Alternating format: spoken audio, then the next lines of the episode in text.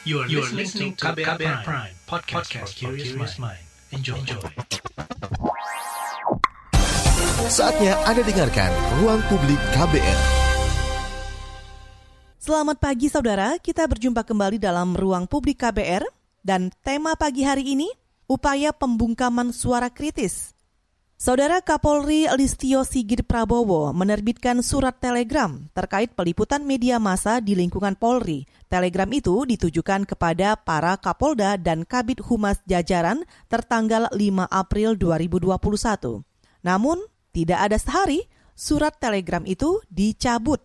Dalam berkas dokumen telegram sebelumnya yang diterima, Kapolri mengingatkan bahwa telegram itu diterbitkan dalam pelaksanaan peliputan yang bermuatan tindak kekerasan atau kejahatan dalam program siaran jurnalistik.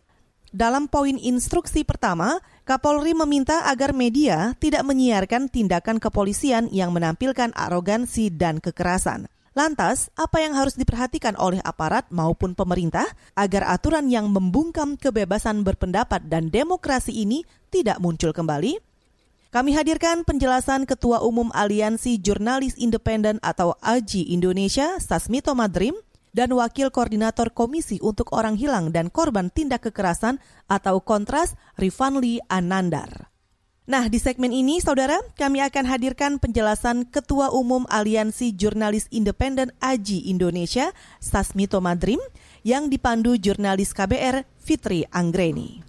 Surat telegram Kapolri muncul dan membuat kehebohan khususnya bagi media meskipun uh, di hari itu juga telegram ini sudah dicabut. Namun telegram itu salah satu isinya menyatakan media dilarang menampilkan kekerasan aparat dan ini dianggap sebagai salah satu pembungkaman. Tanggapan Anda, Mas? Ya, ini sebenarnya apa ya kita melihatnya ada upaya tes ombak gitu ya dari pemerintah dan aparat melalui beberapa peraturan yang itu berpotensi apa mengekang kebebasan teman-teman jurnalis e, melakukan kerja-kerja jurnalis gitu ya. E, ini sama dengan surat edaran Mahkamah Agung waktu itu yang mewajibkan teman-teman jurnalis harus e, izin gitu ya ke hakim, ke majelis hakim untuk e, melap, meliput kegiatan di pengadilan.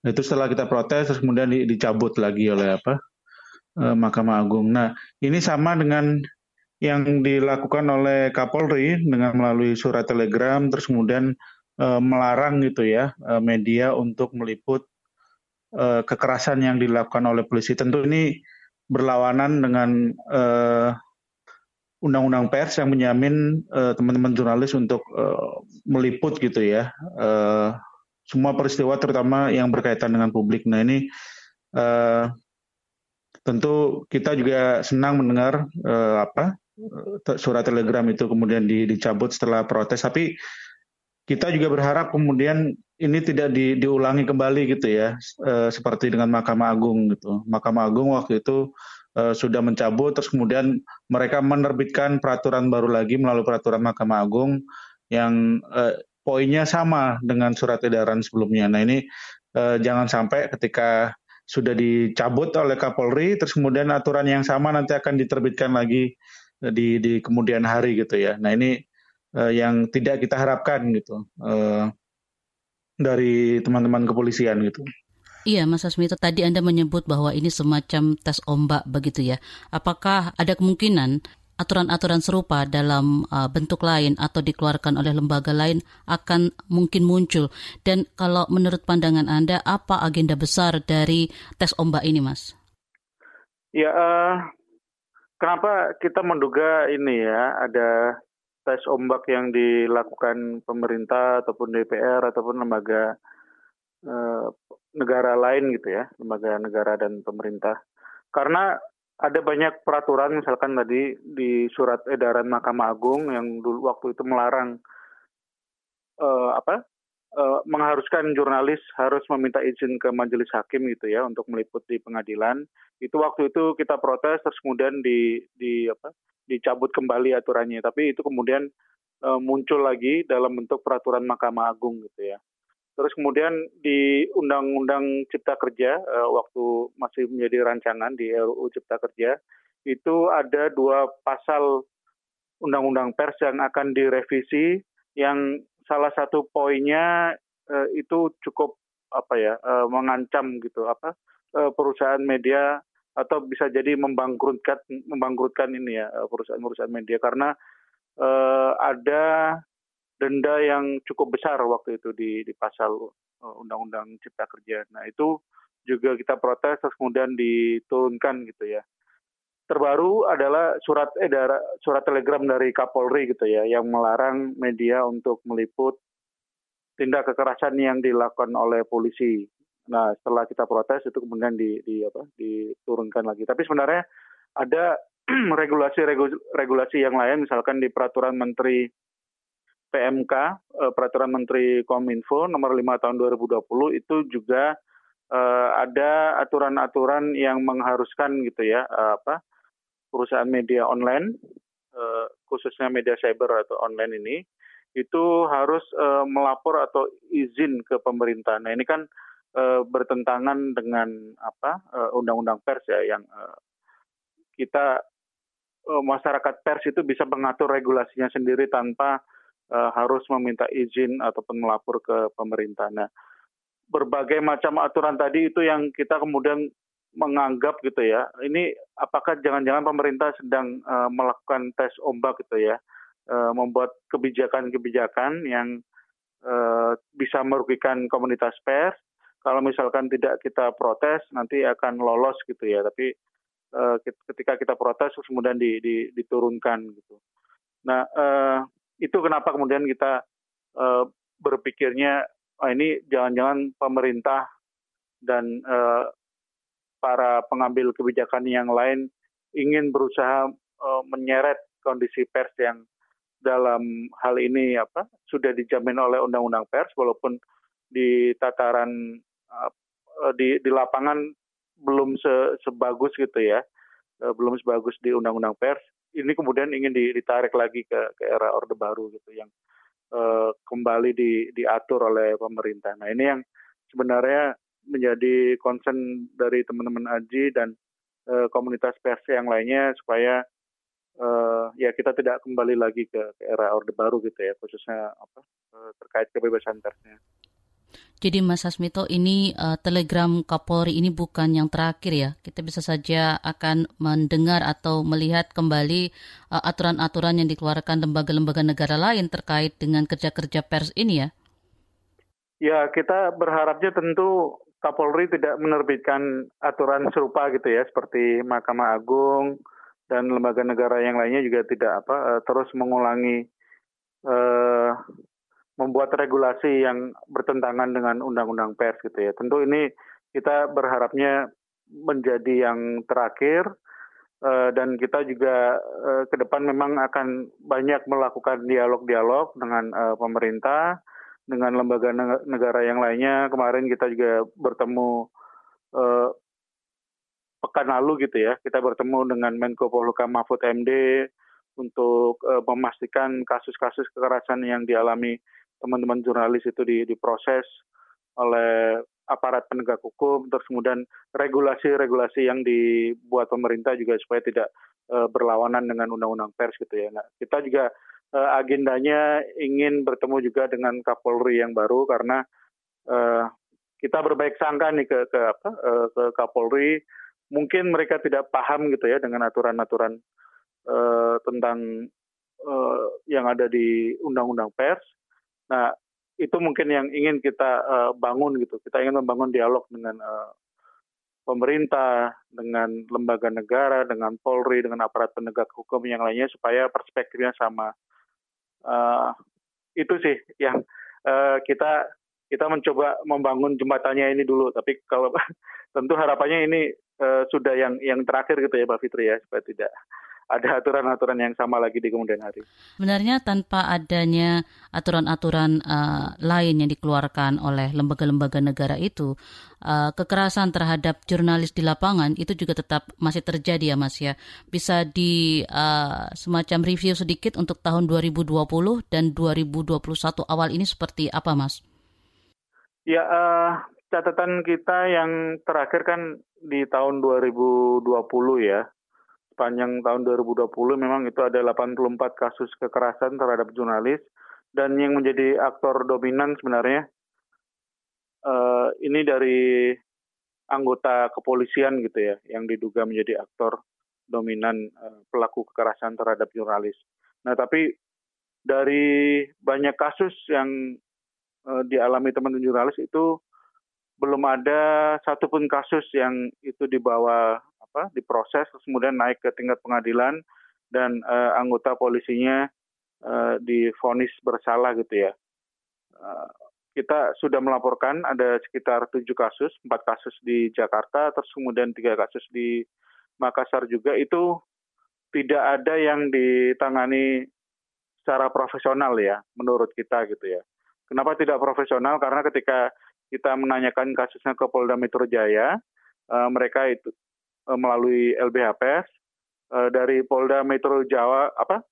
Polda Metro Jaya uh, menjawab surat kita dengan asal-asalan, misalkan ketika di kop suratnya ditulisnya sedang penyelidikan, tapi di dalamnya ditulis penyidikan, di kop suratnya ditulis sedang apa sudah di SP3 tapi di dalamnya kemudian ditulis penyelidikan. Dan itu uh, tidak menunjukkan ketidakprofesionalnya polisi gitu ya ketika memproses kasus-kasus yang berhubungan dengan personel mereka. Dan terbaru kasus wartawan Tempo di Surabaya Nur Hadi eh, ini juga pelakunya diduga eh, anggota polisi gitu ya. Nah, nah karena itu kita kemarin eh, apa mendesak ke Menko Polhukam terus kemudian Eh, kita juga menggelar aksi di berbagai daerah, hampir di 40 kota, supaya polisi memproses kasus ini. Karena dari dari apa barang bukti yang ada itu sudah cukup.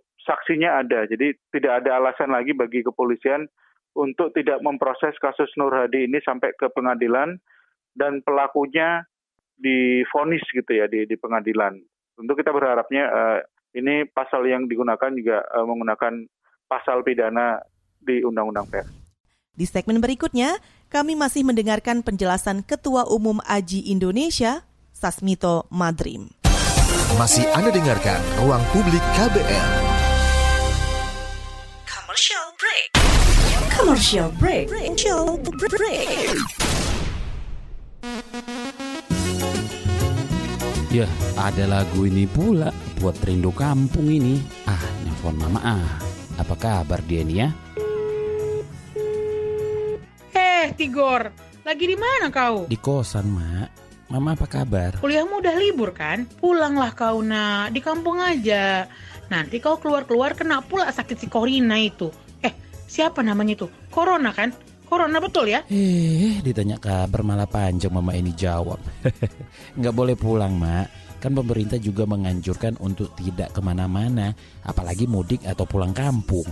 Kalau di jalan kena virusnya, terus bawa ke kampung gimana? Bandel kali kau. Di kampung mana ada corona? Mama sehat-sehat aja loh ini. Bukan begitu, Mak. Orang tua itu kan paling rentan nih kena virusnya. Jadi diam-diam aja di rumah ya, biar cepat selesai masalah corona ini. Bangga kali Mama sama kau Tigor. Gak salah Mama sekolahkan kau jauh-jauh ke Jakarta, Amang. Jadi tenang mama di sini. Sehat-sehat ya anakku, Amang. Iya, Mak. Mama juga ya. Tetap aman di rumah bersama media lawan COVID-19. Masih Anda dengarkan Ruang Publik KBR. Saudara, Anda masih mendengarkan Ruang Publik KBR. Kami masih hadirkan penjelasan Ketua Umum Aji Indonesia Sasmito Madrim terkait upaya pembungkaman suara kritis. Iya, tapi dalam sepengetahuan Mas Asmito sendiri untuk kasus uh, kekerasan terhadap jurnalis sendiri ada yang pernah sampai difonis nggak Mas pelakunya, terutama bila itu datang dari uh, penegak hukum, Mas? Iya, uh, di TNI kita melihat ada beberapa kasus yang di, diproses gitu ya sampai apa pengadilan di pengadilan militer catatan TNI waktu itu kita pernah diskusi dengan mereka itu ada enam anggota mereka yang di difonis dengan menggunakan undang-undang pers. Jadi uh, kalau kita bandingkan gitu ya antara polisi dengan TNI, eh, kasus yang berkaitan dengan anggota TNI itu di, diproses. Nah ini kita tentu berharap polisi dapat meniru TNI gitu ya. Karena uh, tuntutan kini apa tuntutan teman-teman Aji ini bukan berarti kita tidak apa uh, tidak mendukung Polri, tapi ini justru menunjukkan sikap Aji uh, mendukung uh, institusi Polri untuk melakukan bersih-bersih, melakukan reformasi. Ya salah satu caranya dengan memproses orang-orang uh, yang melakukan kejahatan gitu. Jangan sampai institusi Polri ini ditempati oleh orang-orang yang jahat gitu ya. Karena dalam apa uh, catatan Aji itu sebenarnya polisi yang melakukan kekerasan terhadap jurnalis bukan tidak tahu mereka itu wartawan, tapi karena mereka tahu uh, wartawan terus kemudian terjadilah kekerasan gitu ya, karena mereka tidak ingin kejahatan yang mereka lakukan di, diketahui oleh publik. Jadi ini kesempatan bagi Kapolri yang baru untuk uh, melakukan reformasi bersih-bersih di institusi kepolisian. Apalagi uh, Kapolri yang baru ingin sekali mengembalikan kepercayaan masyarakat kepada institusi kepolisian sendiri ya Mas Sas ya. Maka ini saat yang tepat ya untuk membuktikan uh, itu begitu ya. Ya, ya tentu karena uh, apalagi di sebenarnya kekerasan yang dilakukan polisi ini kan juga tidak apa tidak hanya ter, dialami oleh teman-teman jurnalis tapi uh, masyarakat sipil yang lainnya di berbagai sektor juga banyak menjadi korban dan uh, terduga pelakunya ini dari kepolisian. Nah ini uh, momentum bagi Kapolri yang baru uh, untuk melihatkan gitu ya atau meraih kembali uh, kepercayaan publik yang selama ini menilai uh, polisi itu menjadi musuh mereka gitu ya, bukan uh, pengayam bagi uh, masyarakat dan publik yang lain kembali ke telegram yang uh, sudah dikeluarkan dan dicabut oleh Kapolri tadi itu uh, Beberapa poin dalam telegram itu berisi uh, permintaan, berisi perintah untuk tidak menayangkan reka ulang pemerkosaan dan kejahatan seksual, lalu juga menyamarkan gambar wajah dan identitas korban serta keluarga kejahatan seksual serta para pelaku. Sebenarnya jika kita tarik ke persoalan medianya, sudahkah media secara umum menaati aturan uh, di Undang-Undang Pers terkait uh, memberitakan uh, tentang pemerkosaan dan kejahatan seksual lainnya, Mas? Ya uh, sebenarnya untuk uh, beberapa pedoman pemberitaan peliputan itu sudah disusun oleh Dewan Pers bersama konstituennya gitu ya. Nah memang uh, terkait pedoman pemberitaan yang berkaitan dengan apa uh, keadilan gender, terus kemudian korban kekerasan seksual, uh, ini yang kalau di Aji sendiri kita sedang menyusun draftnya gitu ya. Jadi uh, kita di tahun ini mudah-mudahan bisa kita selesaikan uh, pedoman peliputan yang lebih ramah gender gitu ya, perempuan dan uh, anak juga. Uh, itu kemudian kita uh, berharapnya uh, kita dorong ke Dewan Pers supaya bisa menjadi pedoman yang disepakati secara bersama-sama. Nah ini memang uh, salah satu upaya saja sih Mbak Fitri karena uh, kalau kita cek gitu ya di apa di pemberitaan misalkan di media-media online itu juga memang masih belum ramah terhadap perempuan dan uh, termasuk korban kekerasan seksual ya. Nah, uh, memang perlu didorong seperti ini karena komunitas pers ini kan membentuk uh, aturannya sendiri gitu. Jadi uh, yang bisa kita lakukan sebagai organisasi profesi mendorong pedoman peliputan yang lebih ramah terhadap perempuan dan anak dan korban kekerasan seksual supaya bisa disepakati bareng-bareng di Dewan Pers dan kemudian uh, ini bisa dipakai semua perusahaan media gitu ya. Dan kalau untuk penyiaran uh, sebenarnya sudah ada uh, pedoman yang disusun oleh KPI juga Komisi Penyiaran Indonesia. Cuman memang ini uh, KPI-nya juga perlu lebih aktif lagi gitu ya. Misalkan uh, apa ketika ada tayangan-tayangan atau pemberitaan yang itu tidak ramah terhadap perempuan, anak dan korban kekerasan seksual mungkin bisa lebih diingatkan. Jadi sebenarnya uh, Polri tidak perlu mengatur sejauh itu karena sudah ada uh, KPI, terus kemudian ada Dewan Pers gitu ya, lembaga negara yang uh, memiliki fokus di pemberitaan gitu. Jadi cukup diatur di Dewan Pers dan di KPI, tidak perlu polisi kemudian turun tangan membuat aturan yang sama gitu di, terkait pemberitaan atau penyiaran. Nah, sebelum juga soal Telegram ini, kita juga dihebohkan dengan pembentukan polisi virtual oleh kepolisian ya, Mas Asmito ya. Nah, seperti apa Anda melihat saat ini kerja-kerja polisi virtual ini dan apakah ini uh, akan bisa juga kemudian menyasar pada kerja-kerja jurnalis? Ya, polisi virtual ini sebenarnya tentu dampaknya tidak hanya ke teman-teman jurnalis tapi semua uh, masyarakat pada umumnya gitu ya. Uh, dan yang paling apa uh, potensi terdampaknya tentu masyarakat sipil yang dia dalam tanda kutip rentan gitu ya, uh, tidak memiliki akses terhadap bantuan hukum berbeda dengan teman-teman jurnalis mungkin yang uh, memiliki organisasi profesi terus kemudian uh, cukup mudah mengakses bantuan ke berbagai lembaga hukum, tapi banyak kasus ini kan polisi virtual sudah menyasar masyarakat sipil yang lainnya dan ini Aji tentu juga punya kepentingan supaya uh, kebebasan berpendapat dan berekspresi di masyarakat ini bisa dilindungi oleh konstitusi kita gitu ya. Ini kan sebenarnya udah udah dijamin oleh konstitusi, tapi memang uh, faktanya di di lapangan kebijakan-kebijakan ini banyak yang bertabrakan di apa uh, dengan konstitusi. Nah, uh, Aji di di isu ini berkolaborasi dengan masyarakat sipil yang lainnya uh, dengan teman-teman uh, SafeNet terus kemudian Kontra, CLBAI dan yang lainnya. Yang ini memang isu yang harus kita lawan secara bareng-bareng gitu ya, tidak bisa Aji uh, sendirian gitu untuk uh, melawan kebijakan yang tidak pro terhadap kebebasan uh, sipil.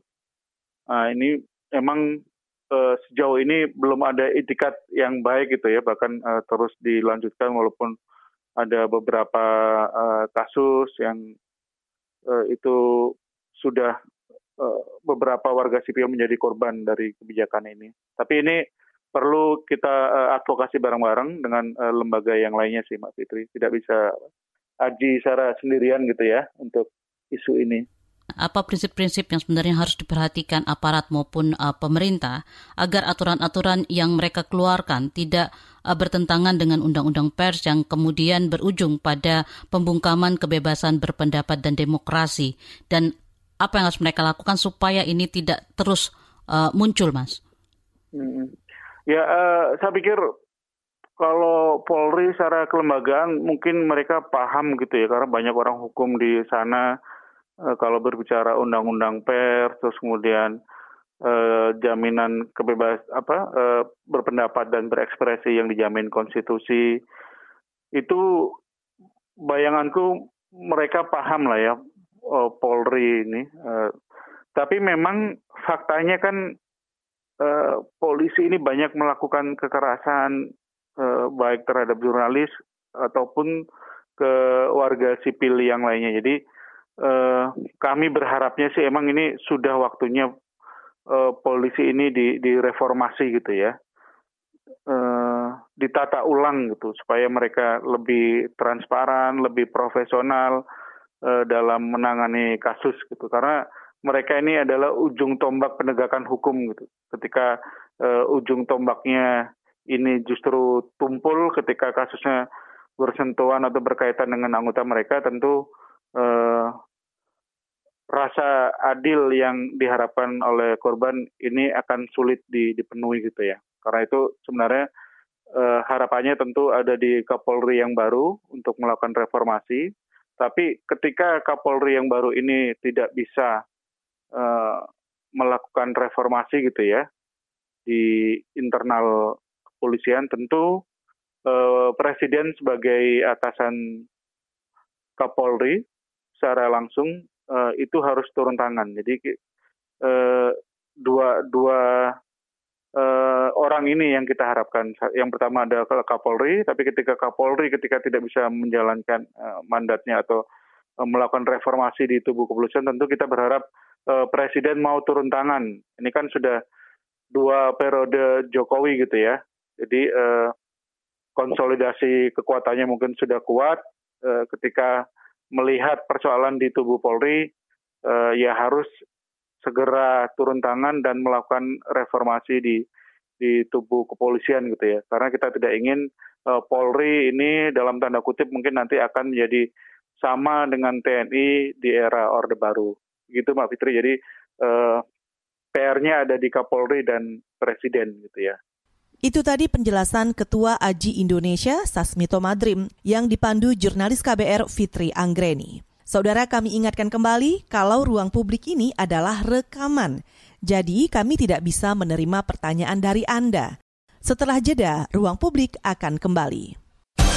Masih Anda dengarkan Ruang Publik KBR. Terima kasih untuk Anda yang masih setia mendengarkan Ruang Publik dari KBR kami masih hadirkan perbincangan terkait upaya pembungkaman suara kritis. Selain dari Aliansi Jurnalis Independen, polemik surat telegram Polri juga disoroti Komisi untuk Orang Hilang dan Korban Tindak Kekerasan atau Kontras. Apa saja poin sorotan Kontras? Berikut penjelasan Wakil Koordinator Kontras Rifanli Anandar uh, terkait dengan uh, keluarnya telegram Kapolri dan kemudian di hari yang sama dicabut terkait uh, soal pelarangan media menayangkan arogansi aparat, Mas. Boleh kami tahu tanggapan Anda dalam hal ini? Iya, uh, pertama secara administratif surat telegram ini kan sifatnya adalah naskah kedinasan. Nah, naskah kedinasan ini ditujukan untuk lingkungan Polri. Namun, isi dari surat telegram uh, kemarin itu ditujukan keluar Polri, yaitu media. Meskipun di atasnya ditulis tujuannya untuk Kapolda dan jajaran. Nah itu saja sebetulnya sudah uh, apa salah gitu, dia tidak bisa begitu. Gitu. Nah terus yang kedua, uh, ini akan jelas berdampak lah pada kinerja media. Nah uh, di satu sisi juga ada uh, kepu tingkat kepuasan publik yang uh, menurun kepada kepolisian. Jadi kami menduga bahwa upaya uh, polisi melarang media atau menentukan arah media meliput itu uh, mereka berupaya untuk mengembalikan kepuasan publik tersebut gitu. Makanya melarang media meliput arogansi Polri. Padahal bukan demikian caranya. Terus mengenai uh, pencabutan surat telegram yang satu hari terbit itu, kami bisa melihat itu sebagai upaya test the water loh. Karena eh, penasaran bagaimana respon publik terhadap eh, situasi pelarangan media saat ini. Eh, mengingat sempat ada upaya untuk mengubah undang-undang pers juga, itu kemudian tidak jadi, dan ini masuk ke dalam eh, ranahnya kepolisian. Gitu. Saya rasa kalau kemarin tidak ada penolakan yang uh, besar dari publik itu kemungkinan besar akan lolos gitu. Tapi secara umum saya mau bilang kalau polisi tidak bisa uh, apa potong kompas dalam dalam mengembalikan kepercayaan publik, polisi semestinya melakukan reformasi institusi secara struktural yang dia harus lakukan dari dari tingkat kebijakan sampai dengan lapangan. Nah, cara-cara itu harus uh, berjalan semestinya karena kalau misalkan polisi hanya menutupi kemasannya saja tapi tidak mengubah problem yang substansial, ya publik akan terus uh, tidak percaya sama polisi.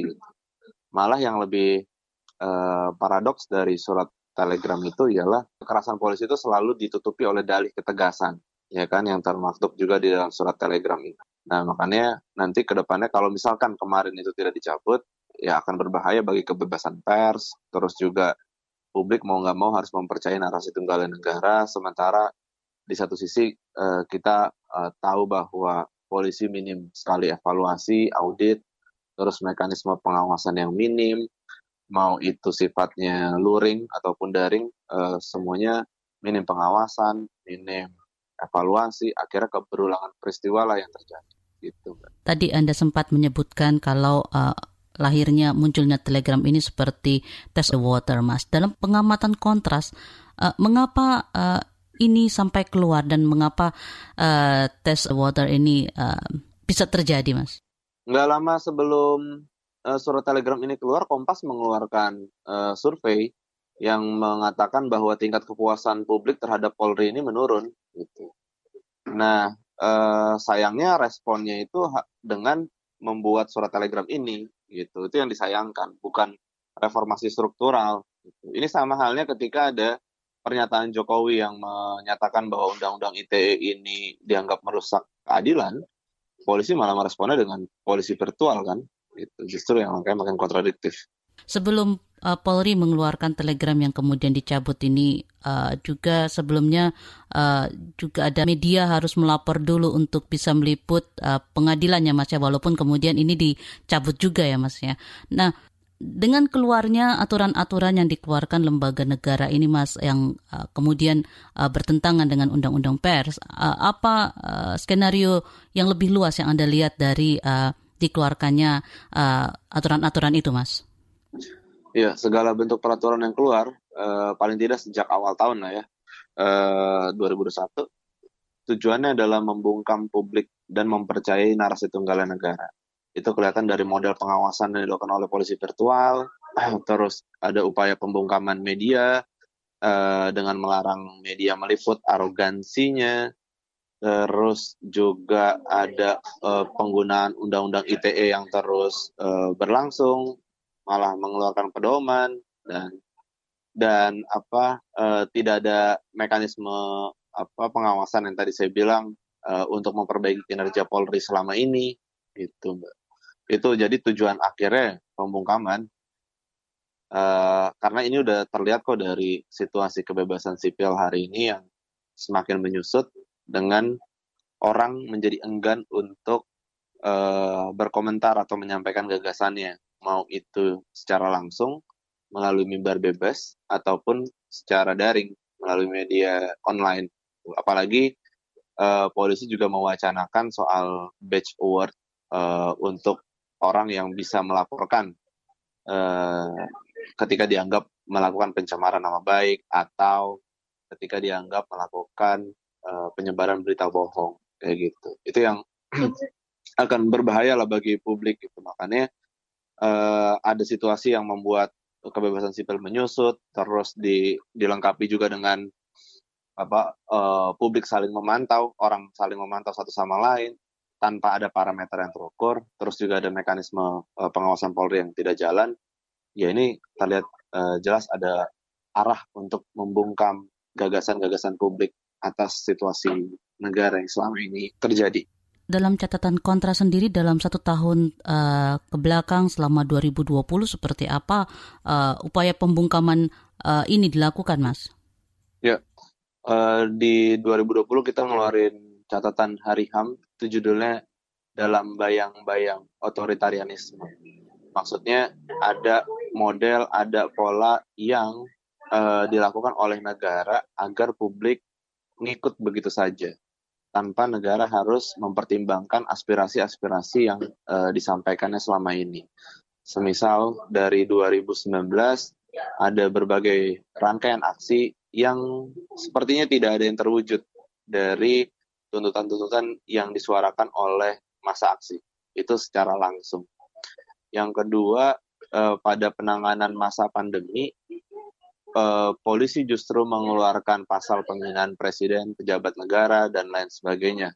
Ketika geliat uh, publik mengkritik respon negara dalam uh, menangani uh, virus corona di Indonesia. Nah, situasi-situasi uh, itulah yang membuat uh, apa ya wujud otoritarianisme ini makin muncul di Indonesia gitu. Dan ketika itu terjadi, indikasi-indikasi lainnya adalah terjadinya shrinking civic space, uh, kebebasan sipil menyusut, terus ada upaya pembungkaman yang terus dikeluarkan, uh, ada keberulangan peristiwa juga yang terjadi. Nah, itu situasi-situasi seperti itulah yang membuat uh, kondisi ini semakin buruk di tengah pandemi yang juga belum reda. Jadi bisa dikatakan uh, tanpa adanya telegram atau aturan uh, pelaporan yang dilakukan oleh uh, Mahkamah Agung, sebenarnya di lapangan pembungkaman terhadap uh, kerja-kerja jurnalis dan juga uh, kebebasan uh, berpendapat dan uh, kritik juga uh, telah terjadi. Betul. Uh, terkhusus soal jurnalis, 2015 Presiden pernah menjanjikan membuka akses bagi wartawan asing atau wartawan biasa lah, uh, nasional sorry, ke Papua. Tapi apakah saat ini jaminan itu ada? Itu kan juga menjadi problem. Uh, itu itu masih menjadi problem. Lalu surat telegram itu kemarin keluar yang mana menjadi uh, arahannya nasional bukan lagi Papua kan justru itu akan semakin memperburuk situasinya atas kebebasan pers gitu apalagi pers juga bekerja untuk publik kan dia membongkar sesuatu seperti yang terjadi di Surabaya uh, wartawan Tempo yang sempat uh, dipukul dan dugaannya ada dua orang anggota kepolisian yang memukul itu itu kan kejadian-kejadian uh, yang sebetulnya harusnya direspon dengan menjamin kerja-kerja jurnalis, bukan malah menutupi arogansi kepolisian dan melarang jurnalis meliput. Sebenarnya persoalan arogansi aparat ini muncul dalam kondisi seperti apa, Mas? Ketika negara punya keinginan tertentu atau sedang menutupi uh, kondisi atau situasi tertentu. Situasinya apa, kondisinya apa, hanya negara yang tahu. Kan dia yang yang lagi nutupin. Kita coba bongkar. Ketika kita coba bongkar, akses-aksesnya ditutupin. Uh, situasi situasinya semakin diperparah. Apa represi aparat, terus juga ada polisi virtual, ruang-ruang kita untuk membongkar atau menyampaikan gagasan justru hilang di situ. Untuk upaya penindakan arogansi aparat uh, penegak hukum ini sendiri, Mas, uh, seperti apa Anda melihatnya selama uh, satu tahun ke belakang? Uh, awalnya ini tindakannya secara langsung, tapi kalau sudah uh, begini, uh, itu udah wujudnya adalah pembiaran. Nah, wujudnya pembiaran terlihat dari uh, keberulangan peristiwa, ya kan? Uh, penanganan aksi massa selalu menimbulkan korban sampai dengan omnibus law, aksi penolakan terhadap omnibus law 2020. Terus itu tidak ada respon uh, dari Kapolri maupun dari Presiden. Terus juga uh, malah langkah-langkahnya yang diwujudkan adalah langkah yang kontradiktif, semacam mengeluarkan polisi virtual, uh, badge awards, dan lain sebagainya. Situasi itu seperti itu. Jadi adanya pewajaran terhadap kekerasan atau arogansi yang selama ini terjadi. Kembali kami ingatkan kalau ruang publik ini adalah rekaman, jadi kami tidak bisa menerima pertanyaan dari Anda. Ruang publik akan kembali. Masih Anda dengarkan Ruang Publik KBR. Commercial break. Commercial break.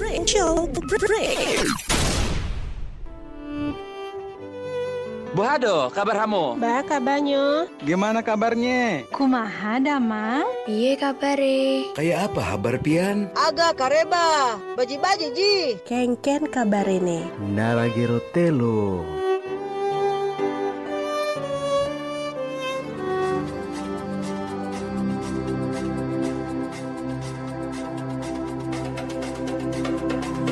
Indonesia yang sangat kita cintai ini begitu kaya, mulai dari alamnya, budayanya, sampai bahasanya. KBR Prime menghadirkan cerita tentang keberagaman Indonesia lewat teman seperjuangan. Berkolaborasi dengan Sabang Merauke, sebuah komunitas anak muda yang giat mendorong toleransi di Indonesia. Karena berbeda itu biasa, karena berbeda itu asik. Teman seperjuangan hanya ada di kbrprime.id. KBR Prime, podcast for curious mind. Masih Anda dengarkan Ruang Publik KBR. Kita tiba di bagian akhir ruang publik KBR hari ini. Bagi Anda yang tidak sempat mendengarkan siaran ini secara utuh, bisa mendengarkannya kembali di podcast kbrprime.id. Lalu pilih Ruang Publik. Nah, pada segmen ini kami masih hadirkan penjelasan Wakil Koordinator Kontras Rifanli Anandar bersama jurnalis KBR Fitri Anggreni. Nah terkait uh, polisi virtual dan juga badge award ini Mas, uh, jauh ini seperti apa Anda melihat dampaknya terhadap kebebasan berpendapat dan uh, juga uh, kritik di uh, media sosial dan uh, kalau ini uh, terus ada terus berlangsung uh, apa dampak terburuk yang mungkin bisa terjadi, Mas? Uh, sebelum adanya polisi virtual atau base award, itu situasi kebebasan berpendapat itu uh, menurun. Itu dilegitimasi, divalidasi oleh laporan ekonomi, terus juga ada BPS juga sempat um, menyampaikan itu, gitu sebagai bagian dari elemen kebebasan uh, sipil politik itu di Indonesia. Itu sudah menurun. Nah, ketika situasi menurun tersebut, ada keengganan orang untuk berkomentar karena ada rasa takut untuk menyampaikan sesuatu di eh, ruang-ruang uh, publik, mau itu di media sosial ataupun di mimbar bebas, bagaimana yang tadi saya bilang. Tapi setelah adanya virtual police dan juga adanya batch award, ini justru akan memperparah situasi itu. Dampaknya apa? Orang akan enggan untuk berpikir untuk mengkritisi kebijakan negara. Karena ada presiden-presiden yang sudah uh, terjadi, uh, semisal mengawasi uh, apa uh, perilaku orang di media sosial. Yang diawasi tidak tahu kapan lagi diawasi. Yang mengawasi uh, proses atau caranya atau mekanisme kerjanya tidak ada yang tahu juga selain dia sendiri.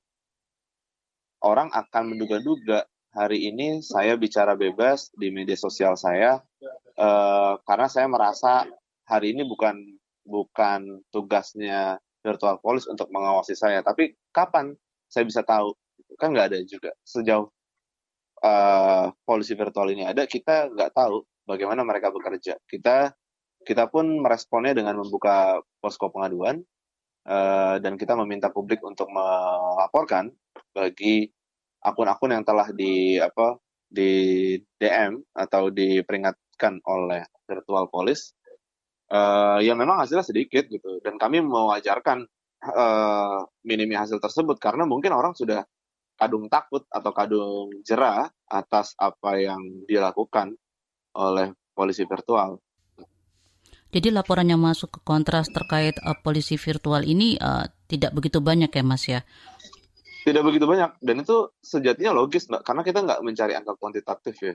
Uh, ini secara kualitas secara apa konteks sosialnya pastilah orang ketika sudah ditegur oleh kepolisian dan kita kan juga tidak uh, bisa meyakini juga apakah yang ditegur ini adalah aktivis ataukah hanya orang sipil biasa gitu uh, terus ditegur ya pasti mereka kan sudah begitu saja dan pasti nggak akan mau repot untuk melaporkan hal itu lagi ke pihak lain kayak gitu dan kami kami mewajarkan itu tapi kami terus buka uh, laporan pengaduannya uh, sampai dengan uh, dua minggu ke depan uh, lalu kita akan sampaikan kepada publik.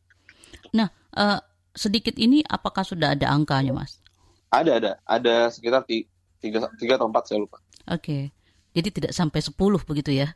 Iya tidak sampai sepuluh gitu karena kita juga nggak bisa mengukur media sosial mana yang dipantau apakah media sosial yang selama ini populer saja, Twitter, Instagram, ataukah uh, Facebook juga, atau seperti apa? Sementara kita kontras hanya menyebarkan ini melalui media sosial di Twitter, gitu. Ketidaktahuan kita ya karena ketertutupan mereka juga, gitu. Kita udah berupaya untuk mengirimkan surat keterbukaan informasi publik uh, atas mekanisme kerja ini, tapi juga uh, nihil hasilnya. Tapi apakah uh, laporan yang masuk ini juga diketahui alasan penutupan akun tersebut, Mas? Sebetulnya yang dipering yang di apa dihubungi oleh virtual police bukan ditutup ya, tapi dia peringatkan.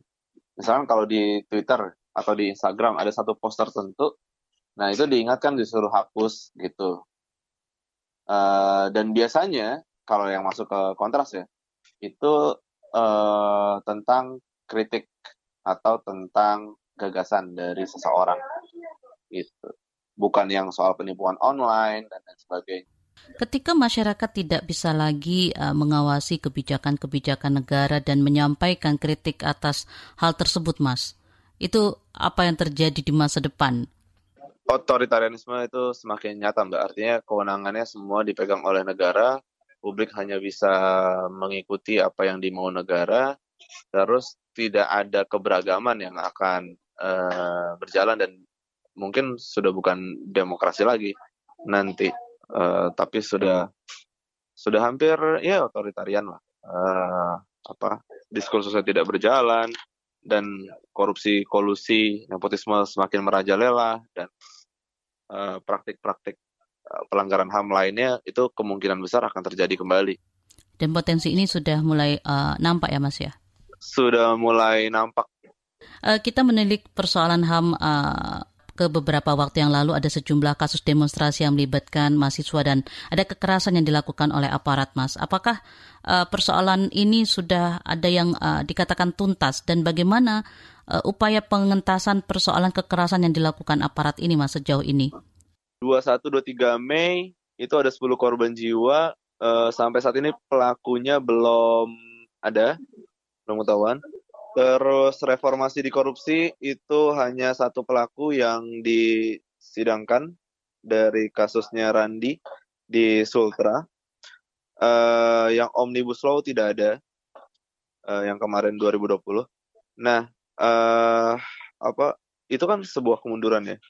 Jelas karena satu di lapangan direpresi jelas-jelasan penangkapan sewenang-wenang, praktik penyiksaan ada, penganiayaan, juga uh, apa ditutupnya akses terhadap uh, pendamping dari para korban sampai dengan uh, nir akuntabilitas daripada langkah kepolisian yang diambil selama ini juga apa evaluasi yang tidak berjalan kalau 2019 dijalankan saja uh, 2020 mungkin tidak ada lagi gitu atau ketika uh, negara merefleksikan uh, tingkah lakunya pada saat 21 23 Mei 2019 mungkin tidak ada lagi korban jiwa di uh, reformasi di korupsi di bulan September. Tapi nyatanya tidak semua uh, terjadi berulang persis ada korban jiwa uh, penangkapan sewenang-wenang masih terjadi gitu. Makanya tadi saya bilang ini kayak ada pewajaran atas pembiaran arogansi atau kekerasan yang terjadi selama ini. Dan uh, terkait masih terkait dengan uh, polisi virtual dan batch award itu kan sebenarnya mereka timbul untuk uh, menanggapi keinginan Presiden Jokowi untuk merevisi Undang-Undang ITE ya Mas ya. Nah teman-teman uh, kontra sendiri dengan teman-teman uh, organisasi sipil lain seperti apa uh, advokasinya untuk mendorong uh, Undang-Undang ITE ini memang bisa direvisi Mas?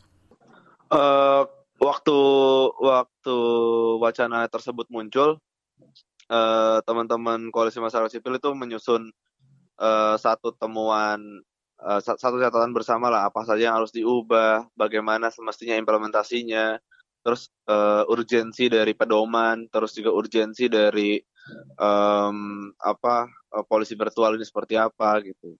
Harapannya memang waktu itu dimasukkan ke dalam prolegnas prioritas, tapi kan juga tidak masuk. Gitu. Sementara dua barang lainnya yang justru kontradiktif, polisi virtual dan pedoman undang-undang ITE oleh Kemenkominfo justru ada gitu. Itu yang uh, sangat disayangkan sih. Mm -hmm. Kalau untuk uh, kekerasan terhadap khusus terhadap jurnalis sendiri catatan kontras untuk 2020 seperti apa, Mas? 2020 saya harus cek lagi, Mbak. Tapi kalau untuk dari awal tahun uh, 2021 itu ada 8 peristiwa. Untuk tahun ini saja, Mas? Iya. Uh, dan sejauh ini apakah sudah ada uh, pelaporan atau bahkan uh, tindakan lebih lanjut yang dilakukan aparat penegak hukum terhadap para pelaku, Mas?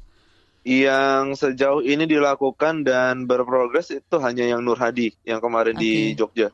Eh Jogja, Surabaya. Surabaya. Oke. Okay. Uh -uh. Itu sampai di mana ya Mas ya progresnya kalau beritahu? Uh, mereka sudah melaporkan it kalau nggak salah rekonstruksi udah. Terus juga ada lapor ke LPSK juga sudah mereka saat ini sedang terjadi pembungkaman terhadap uh, masyarakat secara umum yang ingin menyuarakan kebebasan uh, berpendapatnya ya Mas ya. Nah, bila masyarakat mengalami itu Mas, apa yang uh, sebaiknya mereka lakukan? Cara cara terbaik melawan uh, apa pembungkaman adalah perlawanan ya. Perlawanan ini bisa dilakukan dengan berbagai macam cara. Satu uh, menjalankan uh, amanat konstitusi sebagaimana mestinya gitu. Kan uh, se sejauh pengamatan kita selama ini sejumlah peraturan-peraturan teknis semacam surat telegram ataupun uh, pedoman atau apa pun itu itu kan banyak yang melanggar undang-undang dasar gitu. Amanat uh, konstitusi kita. Ya kalau misalkan kita masih percaya itu sebagai landasan dasarnya ya kita ikuti saja itu. Itu satu. Yang kedua tetap kritik kritis dalam apa menanggapi respon-respon eh, kontradiktifnya atau paradoksnya negara melalui kebijakan ataupun melalui tindakannya di lapangan. Tiga, eh, bersolidaritas dengan banyak orang eh, supaya tidak sendiri dan mendapat banyak dukungan. Gitu. Demikian ruang publik dengan tema upaya pembungkaman suara kritis. Terima kasih untuk Anda yang sudah mendengarkan ruang publik KBR edisi pagi hari ini. Saya Eka Juli, undur diri, salam. Baru saja Anda dengarkan Ruang Publik KBR. KBR Prime, cara asik mendengar berita. KBR Prime, podcast for curious mind.